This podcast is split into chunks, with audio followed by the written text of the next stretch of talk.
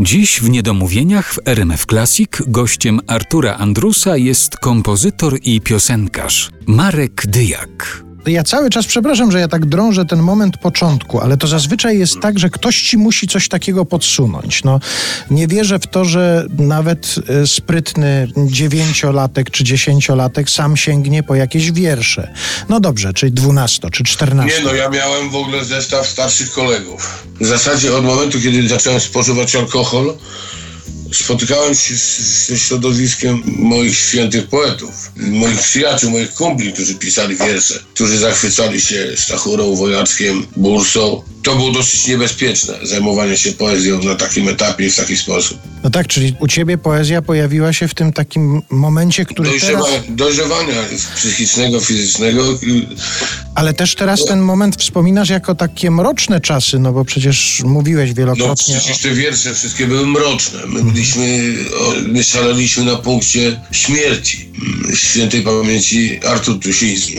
To był mój starszy kolega, który powodował we mnie, przynosił mi wiersze, czy poeta Marcin Pastuszak. Wszystko to, co było poezją, a ja, ja wyczuwałem poezję zawsze, podniecało mnie i nadawało siły do walki, do życia. I może nie pisałem rzeczy, które śpiewam, ale poetą całe życie się czułem. No, Marek Grechuta też był moim mistrzem. Uwielbiałem Marka Grechutę. Pojawiłem się na sekundę w kabarecie w piwnicy pod Baranami, tylko po to, żeby poznać Skrzyneckiego i za chwilę go stracić z oczu, bo umarł.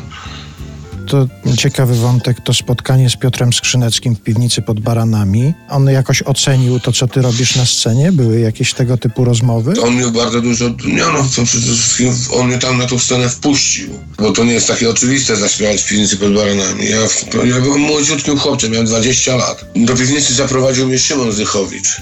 A, a, a tam spotkaliśmy Grzegorza Turnała i, Grzesiek mówił, o, żeby Marek zaśpiewał. I, i razem z, z Zychowiczem on grał na gitarze, ja zaśpiewałem.